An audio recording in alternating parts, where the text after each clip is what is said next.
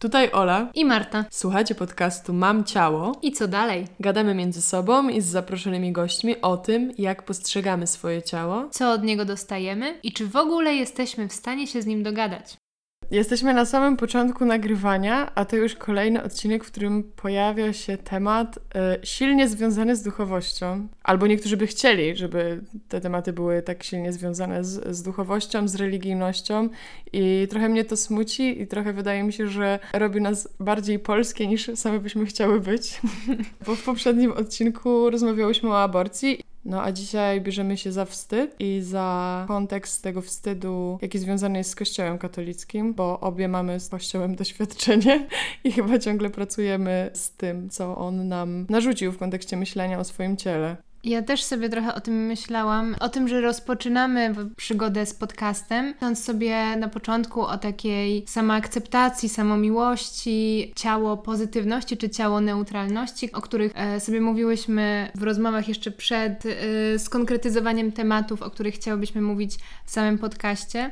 I myślałam sobie, że może to jest jakieś takie cofnięcie się, że chcemy właśnie mówić o czymś pozytywnym, a tutaj jednak znowu wchodzimy na taki grunt, który jest super problematyczny ale pomyślałam, że to trochę chyba dlatego, że zanim dojdziemy do tej neutralności i akceptacji, musimy po prostu przemierzyć jakiś ocean tego, dlaczego w ogóle musimy dochodzić do tego pogodzenia z tym, czego chcemy, jakie jesteśmy i skonfrontować się z tym, dlaczego nie zawsze tak czułyśmy, albo nawet w tym momencie jeszcze tak nie czujemy. I myślę, że stąd ten wstyd jest dla wielu z, naszych, z nas chyba najtrudniejszym jednym z najtrudniejszych takich schodów do, do, do przejścia. No, takich ruchomych, na które wsiadasz i orientujesz się, że jesteś w złą stronę i ciągle zjeżdżasz no. na dół, mimo że chcesz wjechać na górę. Czytając sobie o wstydzie, doszłam do takiego mechanizmu, który często sami sobie, same sobie robimy, Czyli zawstydzamy siebie po to, żeby inni nas nie zawstydzili. Czyli od razu mówimy sobie: Ja czegoś nie zrobię, ja jestem w tym beznadziejna,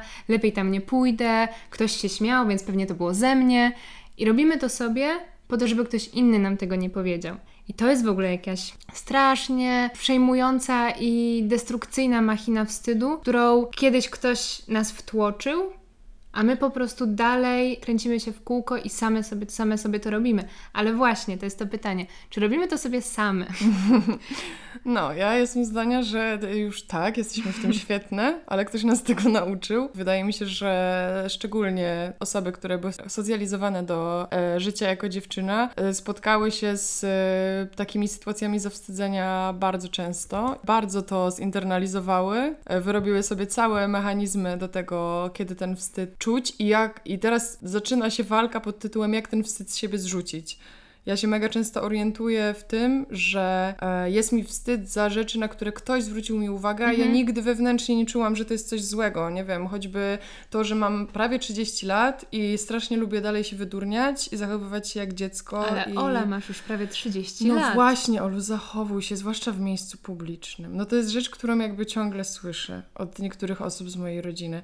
I to nie jest jakby fajne w ogóle mówić innym kobietom coś takiego. Tak. I jakoś jest tak, że że, że kobiety, dziewczyny słyszą te rzeczy dużo częściej, że mają mniej przestrzeni na pozwalanie sobie na swobodę, na wydurnianie się, na obnażanie swojej cielesności, często w jakiś tam sposób obrzydliwej nawet mhm. wręcz, że takie obrzydliwości jakoś gdzieś tam kłócą się z tą wizją kobiecości, którą mhm. próbuje się nam narzucić, tej naszej ekspresji ciała i pokazywania często kwestii, które pewnie um, zahaczają o seksualność, ale nie są z seksem bezpośrednio mhm. związane, raczej są tą seksualnością z poziomu cielesności w ogóle. No i y, jako winowajce chyba wskazujemy tutaj wspólnie katechezę Kościoła katolickiego, KKK. To jest, kocham to, że to ma taki skrót.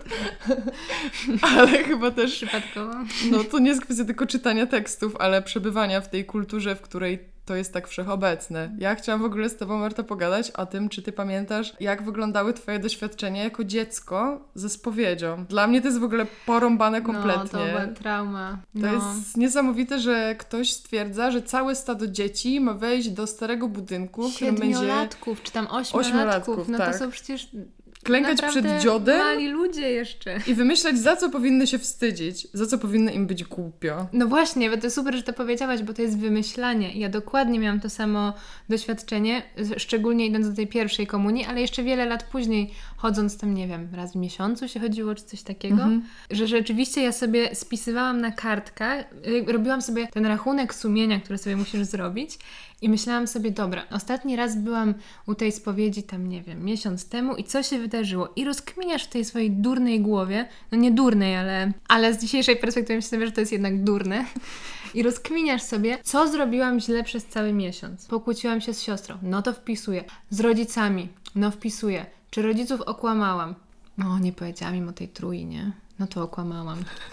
No i potem Wręcz można by mieć taki szablon, który przychodzisz, tak, nie. ja no. trochę chyba tak w pewnym momencie miałam, że już miałam te karteczki i tylko sprawdzałam, co robiłam znowu i to też było to poczucie winy, że przecież dał mi rozgrzeszenie ten ksiądz, ten Bóg. Ja się miałam poprawić, a ja ty, miesiąc później mam znowu te same grzechy, znowu z tej samej karteczki właściwie, więc to jest jakieś takie kolejne poczucie właśnie też tego wstydu, że no miałam się poprawić i się nie poprawiłam. Znowu nie byłam lepsza. Moim ulubionym punktem, nawiązując do tematu dzisiejszego, było miałam nieczyste myśli, co u mnie pojawiało się co miesiąc. E, zakładałam, że po prostu pod te nieczyste myśli podchodzą tak przeróżne rzeczy. Na początku w ogóle nie usadzałam tego z poziomu ciała i seksualności, ale potem, jak już w ogóle seks się pojawił jako temat w klasie zazwyczaj, no to jakby samo pomyślenie słowa seks to już była nieczysta myśl, nie? że to dochodziło do tego stopnia i też mam wrażenie, że byłam ganiona za zainteresowanie tym tematem w telewizji. Jak śpiewałam piosenki, gdzie ten temat się pojawiał, to też od razu dostałam komunikat. To nie jest dla A dzieci. pamiętasz, jaka to była piosenka na No, przykład? e, Agnieszka już dawno tutaj nie mieszka, A, oczywiście. Kochali się namiętnie w męskiej ubikacji. Oczywiście. Pamiętam burę Dreszczyk totalną. emocji, no. Żadna z nas, zostałyśmy zapytane z siostrą, czy wiemy, o czym jest ta piosenka, no i zakładałyśmy, że no kochali, no to jakieś przytulanie, coś tam, nie? Namiętnie trochę nie rozumiałam, ale no coś tam w telewizji w zwiastunach pojawiały się namiętności, pasje, coś tam, więc no zakładałam, że ludzie bardzo jakby chcą i uwielbiają to przytulanie się. No ale pojawiło się to straszne słowo i... Na S. No i właśnie, co to robi, nie? Co to robi w bani dziecka? Jakby nie rozmawianie, tylko nakłanianie jego do tego, żeby samo doszło do tego, czego powinno się wstydzić, mhm, mhm, mhm. Wyspowiadało się z tego. Ale czyli ty się wyspowiadałaś z tego, że masz nieczyste myśli, wiedząc już, że, to, że nieczyste myśli oznaczają seks? Tak, i ja właśnie zawsze jak się gimnastykowałam tak, żeby mówić, miałam nieczyste myśli. I na przykład nie pamiętam teraz, czy pojawił się jakiś ksiądz, który dopytywał, jakie to były nieczyste myśli, bo to już. Pewnie dla mnie się jest taki po prostu... pojawił, ale robił to No, albo to z wyparłam. perspektywy swojej dziwnej ciekawości, no. No, myślę, że tam było dużo jakby, że, że teraz nie potrafię sobie tego przypomnieć, Aha. bo jest jakaś... no mózg ma w tym... to, nie chcesz tak. tego pamiętać. Ma w tym po prostu jakiś interes, żeby tego nie pamiętać. Ale to i tak byłaś lepsza ode mnie, bo ja nawet jeżeli miałam nieczyste myśli, to tak się wstydziłam tego, że nie byłam w stanie nawet tego powiedzieć na tej spowiedzi. A oczywiście potem się bałam, że ta spowiedź będzie nieważna, bo zataiłam grzech. No właśnie, To- bo jest jeszcze ten wątek tego, że ona ma być ważna, nieważna, że to nie chodzi o samo poczucie się nie tak z tym, co się zrobiło, tylko to, że ksiądz ci to klepnie, no i Bozia przede wszystkim i Pan Bóg na górze, który wie więcej niż ten ksiądz, któremu to powiedziałaś, że jakby nie, nie możesz mieć relacji sama z sobą i rozsądzać tego, mhm, czy mhm. uważasz, że coś jest zrobione źle, że jest gdzieś autorytet, który decyduje za ciebie, którego nie rozumiesz i nie rozumiesz jego zasad. No, ja nawet pamiętam na lekcji religii, katechetka powiedziała nam, że mamy, że mamy wielkie szczęście, że jesteśmy katolikami i że mamy właśnie tą możliwość spowiedzi, bo na przykład protestanci mają tylko taką spowiedź powszechną, czyli po prostu wszyscy w kościele w jednym czasie modlą się głośno czy cicho, jak tam sobie chcą i wtedy mówią grzechy. No i czy ktoś im je odpuszcza? Nie wiadomo. A my, dzięki temu, że jesteśmy katolikami, to od razu mamy tą osobę, która nam powie: Tak, odpuszczam ci w imię Ojca i Syna. I to jest, nawet ona to porównała do takiej terapii psychologicznej, że dzięki temu po prostu e, my się czujemy wolni i zrzucamy z siebie ten ciężar. Co wcale nie jest. Wcale nie jest moim doświadczeniem. Ja wcale nie czułam, że mam zrzucony ciężar, tylko już się bałam po prostu, bo to też jest kolejna rzecz, że ty się bardzo boisz tego, jak zareaguje ten ksiądz. Hmm. Z jednej strony masz tą wizję Boga, który ci ufa, który cię kocha, ale zamiast tego Boga widzisz właśnie jakiegoś starego typa, który może na ciebie nakrzyczeć za to, że po prostu nie jesteś idealna. Boże- A jesteś. Ja też pamiętam ten strach, że e, inne dzieci usłyszą, co ja mówię. O kurde, no. Albo jakaś, nie wiem, no starsza osoba, która jest za mną, będzie Mhm. słyszała po prostu, co ja tam powiedziałam i że to gdzieś wypłynie. Ale ja z kolei pamię- ja pamiętam, że pierwsza spowiedź to była dla mnie, to była dla mnie jakaś taka olbrzymia ulga i ja myślę, że ja Okej. dlatego potem mówiłam o, tej, o tych nieczystych myślach, bo miałam takie poczucie, że to spełnia swoją funkcję. I nawet z Mhm. zaskoczeniem niedawno odkryłam, że e, tak jak mi się wydawało, że ja już dość szybko się pożegnałam, tak przynajmniej mm, mentalnie z Kościołem i z wiarą, tak jeszcze w liceum mam takie zapiski, gdzie ja się zastanawiałam nad istnieniem Boga, nie? Że jakby nie traktowałam siebie jak ateistkę i nie, nie myślałam tak o sobie. Nie chodziłam już do kościoła, bo zostałam po prostu skrzywiona w gimnazjum swoją szkołą katolicką. Nie, po, nie pozdrawiam serdecznie. e, także już ta praktyka odpadła, ale te kminy ciągle były, nie? Więc, y, więc myślę, że, że ten kościół się strasznie głęboko we mnie zakopał. I ta moralność, ta moralność oparta na tym, że jak ty się przyznasz, to masz odpuszczone, więc jakby następnym razem też możesz to zrobić, bo potem możesz się właśnie, przyznać no. i mieć odpuszczone. Potem przychodzi taki moment w ogóle, że przekładamy to na innych ludzi. Myślę, że w różnych konfliktach po prostu ja tak mam, że muszę usłyszeć od drugiej osoby, że, że mi wybacza, że no dobra, no zjebałaś, ale, ale już okej. I że ja nie umiem sobie sama tego powiedzieć, że nie wiem, miałam prawo do błędu albo nawet miałam prawo się w jakiś sposób zachować po prostu i to było uzasadnione, tylko ja muszę usłyszeć od drugiej osoby, że ona jest z tym okej. Że jakby muszę usłyszeć tą ocenę, która zrzuca ze mnie to poczucie winy. Gdzieś też przeczytałam, że wstyd w jakimś sensie jest, może być tym zdrowym uczuciem, które nas, mm, tro, trochę takim uczuciem samokontroli, ale w takim pozytywnym sensie, znaczy takiego instynktu samozachowawczego, żeby po prostu na siebie uważać, ale jakoś chyba nie umiem tego sobie tak przełożyć.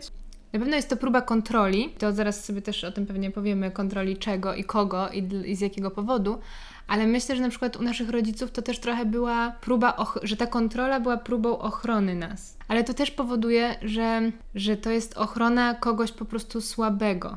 Że, że, ko- że kontrolujesz kogoś przez jego wstyd, bo czujesz, że on sobie nie poradzi, nie wiem, swoją asertywnością, swoją pewnością siebie, że jest po prostu niewystarczający na to. I to też jakby jest kolejna rzecz, która powoduje w tobie to, że tobie jest bardzo trudno, czy, czy mi jest bardzo trudno sobie poradzić i z tym wstydem, i z poczuciem winy, i z tym, żeby w ogóle właśnie uwierzyć, że mogą nami kierować inne mechanizmy, bardziej pozytywne dla nas po prostu. I dojść do tego samego, czyli do tego, żeby po prostu znać e, sw- swoją granicę i o nią dbać. No właśnie to, co mówisz o granicach, to mi się na maksa kojarzy z takim nowym podejściem do wychowania seksualnego, no ale to są metody, które jakby wykorzystuje się ucząc dzieci, nie? Jakby biorąc się za edukację seksualną dzieci, tego, że one mają prawo wyznaczać swoje granice i mówić o rzeczach, które im przeszkadzają. Ten choćby przykład drobny już na takim podstawowym poziomie tego, że dziecko może się nie zgadzać na to, żeby, kto- żeby ktoś je całował, nie? Po twarzy, nie? Że jakby większa już trochę dziewczynka może się nie zgadzać na to, żeby jakiś starszy pan brał jej rękę i w nią ją całował, nie? A, a potem to się po prostu przekłada na, też na kolejne, na kolejne poziomy, ale właśnie y, wydaje mi się, że my tego trochę jakby nie kumamy, że ten wstyd może działać wzmacniająco przez to, ile tego wstydu Może, dostałyśmy, no nie? może, Że tak. jakby ten, ta zdrowa granica się gdzieś została przekroczona i teraz jakby robimy sobie reedukację jako dorosłe osoby tego, co powinno się wydarzyć tak naprawdę w dzieciństwie, nie? To pewnie bardzo, bardzo wczesnym dzieciństwie. Tak, tak. Czy tak. od wczesnego dzieciństwa po jakiś taki okres dojrzewania, nie? Wtedy, kiedy naturalnie do tego dojrzewasz i potem, jak zdarzają się Mhm. sytuacje chociażby zbliżeń z innymi osobami, to wiesz, kiedy powiedzieć stop, na co możesz sobie pozwolić. Mega ciężko mi się w ogóle słucha teraz jakichś takich komentarzy na temat stanu edukacji seksualnej w naszym kraju, Mhm. bo one bardzo często są wypowiadane gdzieś z takiej perspektywy e, ojej, jaka ta młodzież jest niewyedukowana. A ja mam mega poczucie, że my jako całe społeczeństwo jesteśmy na No maksa jasne. niewyedukowani. I takie gadanie z perspektywy ja wiem więcej? Serio wiesz więcej? Nie To wiem. dlaczego nam nie powiedziałeś, powiedziałaś? Dokładnie, to wszystko przez ciebie. Ale no, gdzieś tam się pojawił komentarz, że Sex Education, serial Netflixa, Mhm. to nawet nie jest serial dla obecnych nas to dwudziestolatków, tylko to jest serial dla nas już dorosłych, taki mokry sen Mhm. obecnych trzydziestolatków o tym, jak mogłaby edukacja seksualna no tak, wyglądać. No, coś, no coś, coś w tym jest, no. Że można by wchodzić w życie po prostu z tak przyjaznymi tej kwestii dorosłymi i z rówieśnikami, którzy zamiast komentując każdy twój ruch w temacie swojego ciała, Mhm. Są skłonni zgodzić się na to, że ta ekspresja może być przeróżna, nie? No i myślisz sobie o tym po 10 latach od zakończenia liceum, ile, ile by cię ominęło negatywnych emocji i przykrych sytuacji. No, takiego rozciągniętego uczenia się na tych negatywnych doświadczeniach, nie? No bo wiadomo, że nie da się uniknąć, po prostu nie da się wieść cukierkowego życia seksualnego i kontaktu ze swoim ciałem. Jeżeli ktoś takie ma, możecie do nas zadzwonić, opiszcie nam swoje cukierkowe życie z własnym ciałem.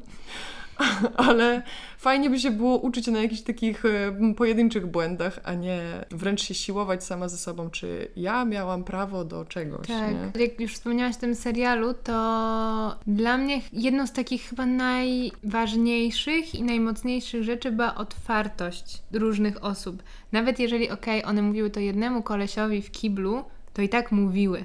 A ja wiem, że ja bym, że nawet dzisiaj miałabym pewnie trochę problem, no ale mam wokół siebie zaufane przyjaciółki, którym mogę to powiedzieć, jeżeli będę chciała. Ale 10 lat temu totalnie nawet nie umiałam nazywać Mm. pewnych y, mechanizmów, które dzieją się ze mną, z moim partnerem. Nie Ja- wiedziałam w ogóle, z czego to się bierze. Ja nadal po prostu wspominam jedną z naszej nocowanek w liceum i to, że ja mm, ściemniłam, że już z kimś uprawiałam seks, żeby się nie przyznać do tego, że się masturbowałam. Bo wtedy miałam po prostu obsesję na punkcie tego, że ja mogłam sama sobie us- uszkodzić błonę dziewiczą. W ogóle o błonie dziewiczej myślałyśmy, w sensie o dziewictwie w ogóle myślałyśmy, żeby gadać w tym odcinku, bo to jest też, to jest na maksa jakby religijny konstrukt. Dziewica versus puszczalska, bo to jest jakby, są te dwa bieguny. Myślę, że mocno definiował nastoletnie życie bardzo wielu dziewczyn. Myślę, że nie tylko nastoletnie, bo jest taki moment, w którym rzeczywiście, jeżeli uprawiasz seks jako nastolatka, no to jesteś trochę puszczalska, jak go nie uprawiasz, no to jesteś trochę cnotka. Yy, No ale potem zaczynają się chyba o wiele większe problemy, jeżeli dalej na przykład nie uprawiasz seksu waginalnego i nigdy tego nie robiłaś i okej, a potem idziesz do ginekologa w wieku na przykład 30 lat i on robi różne komentarze, że na co pani czeka, komu pani chce oddać swojego kwiatuszka. Jakby różne dziewczyny mają takie doświadczenia i to jest znowu jakiś taki shaming właśnie z tej pozycji nieuprawiania seksu. Mhm. Więc tak naprawdę trochę to też jest o tym, o czym mówimy od początku, że właściwie każde zachowanie dziewczyn i kobiet może być po prostu oceniane negatywnie. Obojętnie jak bardzo się starasz, to zawsze jesteś w którąś stronę Wydaje mi się, że ten aspekt w ogóle jakiejś takiej niezaplanowanej e, powściągliwości seksualnej też na maksa dotyka kolesi. Oni jakby mogą być rozwięźli i mają na to zgodę, to jest wręcz traktowane jako zwycięstwo, zdobycz i w ogóle zbieranie Pokemonów i tak dalej. Tak, to, że koleś nie ma seksu w, w No. bardzo różnych etapach też jest mega stygmatyzowane. I właśnie to, to jest jakieś porąbane, że musisz balansować między tym, jak, i- jakby ile tego seksu powinno się mieć, żeby to było okej, nie? No, I jasne, że można powiedzieć, że mam to w dupie, nie? ale nie masz. No, no, no fajnie, że masz taką możliwość, żeby to mieć w dupie, nie? Bo to prawdopodobnie świadczy o tym, że uprawiasz właśnie tyle tego seksu, ile byś Nie chciał albo chciała, nie? A jak myślę sobie o tym, że, jakby w sytuacji, gdzie seks jest wszędzie i ty czujesz jakby konieczność performowania w tym obszarze z każdej strony, no to to jest jakiś No, koszmar, bo to nie? są strony pod tytułem Twój partner. I wiadomo, no, to też się wypracowuje i, i to zawsze jest jakoś, jak, jakoś działa z dwóch stron, no ale ja przynajmniej sobie czasem myślę, to na pewno jest okej. Nie słyszę tego, ale ja sobie sama to nakładam w głowie, bo na przykład pamiętam to bardzo dobrze, jak kiedyś słuchałam piosenki Manamu, w której jest i nie obchodzi mnie, czy w tygodniu kochasz się razy 7 czy też 5. I dla mnie to oznaczało, że aha, czyli to 5 to jest mało. Ja sobie myślałam, okej, a ja na przykład robię to dwa albo trzy, a czasem w ogóle. I sobie myślę, okej, no to może jeżeli dla mnie to jest normalne, to wcale nie dla mojego partnera, a co dopiero dla moich koleżanek. I dopiero potem jak wypijesz czasem dwie butelki wina, to okazuje się, że, że wszyscy mają bardzo podobne rozkminy i bardzo podobne przez to problemy, a to w ogóle mogłyby nie być problemy. No. Też sobie myślę o tym jednym filmie, filmiku w zasadzie, który Mhm. oglądałyśmy teraz przed nagrywaniem. W sumie o dwóch, bo obejrzałyśmy dwa i dwa chciałyśmy poruszyć tutaj, ale nie wiem, za który się zabrać najpierw. Śmieję się pod nosem, chociaż nie chciałam tego robić, bo oglądałyśmy film z zaprzysiężenia dziewicy skonsekrowanej, święcenia, Ślubowania. ślubowania. Bo to zawsze jest odnośnie jednak tego aktu małżeńskiego Tak, i, i to są jakby zaślubiny z Jezusem. Ja pamiętam, że było jakaś, e, że ten film trafił na grupę YouTube'ową i była gówno burza, bo dużo osób toczyły z tego bekę. Pojawiły się też osoby, które uważały, że toczenie beki z tej dziewczyny, która jest w tym systemie uwikłana i czuje, że ma obowiązek w jakiś tam sposób się zaślubiać, bo jest dziewicą, to już jest Mm. samo w sobie B. No i, i to jest w zasadzie trudna dyskusja, nie? No bo ciężko traktować dziewczynę, która z jakiegoś powodu stwierdza, że musi publicznie zadeklarować to, że jest dziewicą, żeby mieć zaakceptowane, że ona jakby Mhm. w tym wieku nie jest zaślubiona nikomu, żeby jej społeczność jak, Tak, zakumała tak, to, tak, że to tak. jest jakiś większy koncept. No to jakby trzeba to jakoś wręcz Przypieczętować w tak. inny sposób. i instytucjonalnie to, to Mhm. wykonać, nie? Że to już nawet nie są jakieś takie... Twoja Mm. indywidualna decyzja, że będziesz e, starą panną, tylko po prostu musisz mieć ten glejt, nie? Że albo masz obrączkę ze swoim starym na palcu, a, albo... No, wiem jak to brzmiało. Twój stary cię odprowadza do ołtarza, do nowego Do nowego twojego starego. starego. Albo, no nie wiem, pewnie też są jakieś takie y, symbole. W przypadku tych dziewic skonsekrowanych na pewno też jest jakiś rodzaj tej, tego zaobrączkowania. No. No Ale to też jest kwestia pewnie jakiejś przynależności i odnalezienia swojej tożsamości, że jeżeli też tak wiele osób w społeczności katolickiej określa siebie jako żonę, mat, ro, rodzica, męża, no to, bo to też znowu z dwóch stron działa, no to jeżeli ktoś, Tosia, decyduje się na to, żeby właśnie nie pójść w tą stronę, no to jednak musi szukać tej swojej tożsamości właśnie udokumentowanej pewnie gdzieś indziej. No, ale zawsze wewnątrz tego systemu, Wewnątrz nie? Że to jest tak. no, głupia analogia teraz będzie. Tak jak Ci ostatnio mówiłam, że e, szczęśliwa jestem z tej książki Halber i Drendy, bo tam Halber mówi o tym, że ona, feministka, a doszła do tego, że No. chciałaby mieć męża. I ja sobie myślałam, kurde, no tak, to jest mój ból właśnie. Wszystkie moje koleżanki feministki śmieją się, że chciałabym być żoną, co nie jest wcale prawdą. Ja sobie to tak rypię w głowie po prostu, ale no, zdaję sobie sprawę z tego, że feminizm nie jest tak opresyjny jak Kościół katolicki, także dlatego to była głupia analogia. A wracając do tematu deklarowania się. No właśnie, może powinnyśmy się trochę zastanowić, skąd ta potrzeba deklarowania. Mm, I myślę, że tutaj w ogóle bardzo mocno dochodzimy do tego momentu, w którym to kształtuje Kościół. To znaczy, że ty, tak, czy ja, mm. wierny, wierni, e, właściwie cała ta religia trochę jest o deklaracji. Jakby sama wiara jest deklaracją. Trochę tak jest, nie? że jak na przykład masz ludzi wokół siebie, no to trochę oceniasz ich, czy, czy traktujesz ich przez pryzmat tego, co mówią, co obiecują, ale trochę weryfikujesz, jak się zachowują. Na ile ich deklaracje pokrywają się z rzeczywistością, na ile faktycznie możesz na nich polegać, na ile e, możesz im zaufać. No a trochę ch- tak, tak sobie myślę teraz, że w kontekście wiary i religii, no to masz tą deklarację, że wierzysz, że ufasz. I ja wiem, że osoby wierzące też czują ten, ten, to, to z poziomu, wie, wiedzą, że ta deklaracja jest wypełniona. Znaczy naprawdę czują, że ktoś się o nie martwi, wiedzą, że komuś mogą ufać, zawierzyć, ale jednocześnie to jest, dla mnie to jest jakaś cały czas na poziomie takiej właśnie deklaratywności i, i cały czas, no nie wiem, sam, sam, sama msza też jest tak skonstruowana, że ty cały czas coś tam obiecujesz, ofiarujesz, słyszysz, że ktoś tobie też coś obiecuje, Mm. że to jest cały czas na poziomie takiego, no trochę właśnie tego albo, albo, bo zachowujesz się tak albo tak, albo jesteś katoliczką, albo nie, albo pójdziesz do nieba, albo do piekła. I mm, oczywiście większość pewnie psychoanalityków powiedziałoby, mm, nie jest nigdy albo, albo, można mieć i, można być pośrodku. A wydaje mi się, że jednak mocno, ten, mocno Kościół działa na tych, tych dwóch osobnych płaszczyznach, że zawsze właśnie musisz wybrać jakąś jedną drogę I być może właśnie stąd jest to poczucie, że jeżeli, że albo masz właśnie męża, albo poślubiasz Jezusa, albo idziesz do zakonu, bo to zawsze jest jakaś droga wyboru, a nie, nie, nie jakiś taki środek, czyli ten czyściec, który trochę jest tymczasowy, więc trochę jest mało warty. I potem ja myślę, że sobie to wkładamy do głowy, że nie wiem, no jak żyjesz w jakimś takim tym czasie, to to jest ciągle niewystarczające.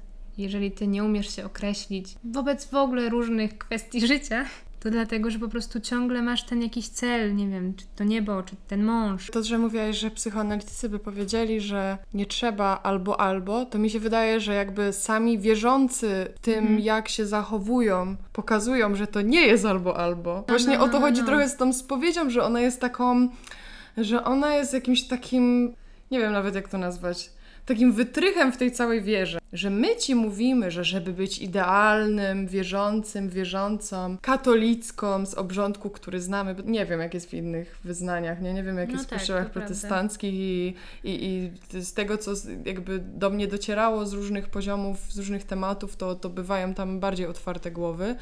Ale że właśnie to, że ta zakonnica wam mówiła, że my mamy farta, bo mamy tą Mhm. spowiedź, to, to jest takie dawanie jakby informacji, która jest e, zaszyfrowana, bo to nie jest ten fart, że protestanci tak nie mają. To jakby opozycjonowanie się wobec Tak. innej religii to jest jakby taki, taka gimnastyka trochę z poziomu teorii, wiary, ale tak naprawdę chodzi w tym o to, że wy macie farta, bo no, dajemy wam mnóstwo, mnóstwo tych zasad, które są na maksa obciążające, ale dajemy wam tutaj taką Furteczkę. furtkę dodatkową, jak w gierce możesz sobie wbiec i zgarnąć więcej pieniążków, nie? I tam jest taka cała plansza, na której jest tyle fajnych rzeczy, tutaj możesz, a i tutaj co założyłem, a tutaj samogwałt. Pan w y, skrzyneczce zwanej konfesjonałem mówi, idź dziecko, nie grzesz więcej, a ty mówisz, tak jest, trzy zdrowaśki i jedziemy dalej z grzeszeniem, bo za miesiąc znowu spowiedź.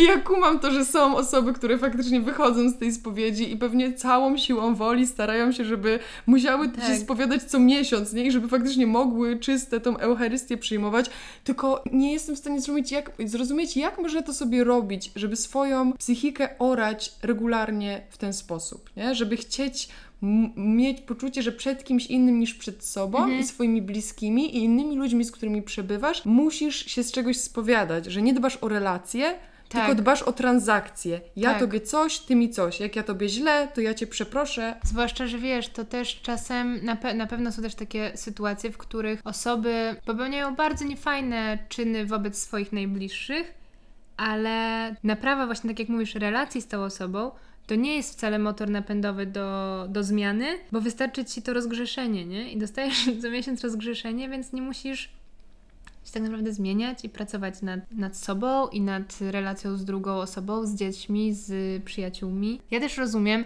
że bardzo wiele osób czuje się wspólnotą y, w kościele na bardzo wielu różnych poziomach i to w ogóle niekoniecznie musi być właśnie poczucie wstydu, poczucia winy i że to jest wartość na bardzo wielu poziomach dla, dla różnych osób, ale jest we mnie jakaś taka duża niezgoda na to, jak bardzo Kościół katolicki wchodzi w inne sfery życia, bo do, do momentu, w którym jesteś sobie we wspólnocie, godzisz się na to świadomie, jako dzieci pewnie trochę mniej świadomie, że chcesz istnieć w takiej organizacji, to w porządku. Tylko dlaczego ja to mam? Po prostu ja, ja to pamiętam ze szkoły, z lekcji religii, która była pewnie nie była obowiązkowa, no bo pewnie można tam się było wtedy też wypisać, ale jednak no, ty, tego się po prostu nie robiło. To, w jaki sposób wychowywali nas, nas, nasi rodzice, to też jest konsekwencja takiej narracji w mediach, narracji mocno katolickiej. Myślę, że to trochę wynikało z tego, jaką Kościół dostał legitymację na, na edukację, na kształtowanie moralności, jako ten antykomunistyczny. Tak. E, Z tego poziomu Popiełuszki Wyszyńskiego skoczył po prostu na orędownika nowej sytuacji, tej, tej transformacji, którą wtedy przechodziliśmy. Więc wszystko w latach 90., jak nie pamiętam, ale jak, jak, jak słucham i czytam, wszystko co antykomunistyczne było dobre. No tak, no i Kościół wydał naszego wspaniałego papieża Polaka, więc no, no nie wiem, kto by się e, porwał na krytykowanie takiej postaci, która tyle dla Polski i dla świata zrobiła. No nie wiem naprawdę. Ale E. bardzo dobrze, że wspominasz akurat, y, myślę, że to musiało się zdarzyć, że wspomniałyśmy o naszym papieżu. Ja wygooglowałam sobie słowo wstyd i weszłam na wi- polską Wikipedię. No i w polskiej Wikipedii jest jeden akapit o tym, czym jest wstyd, że jest to emocja wyuczona, nadana, bla bla bla.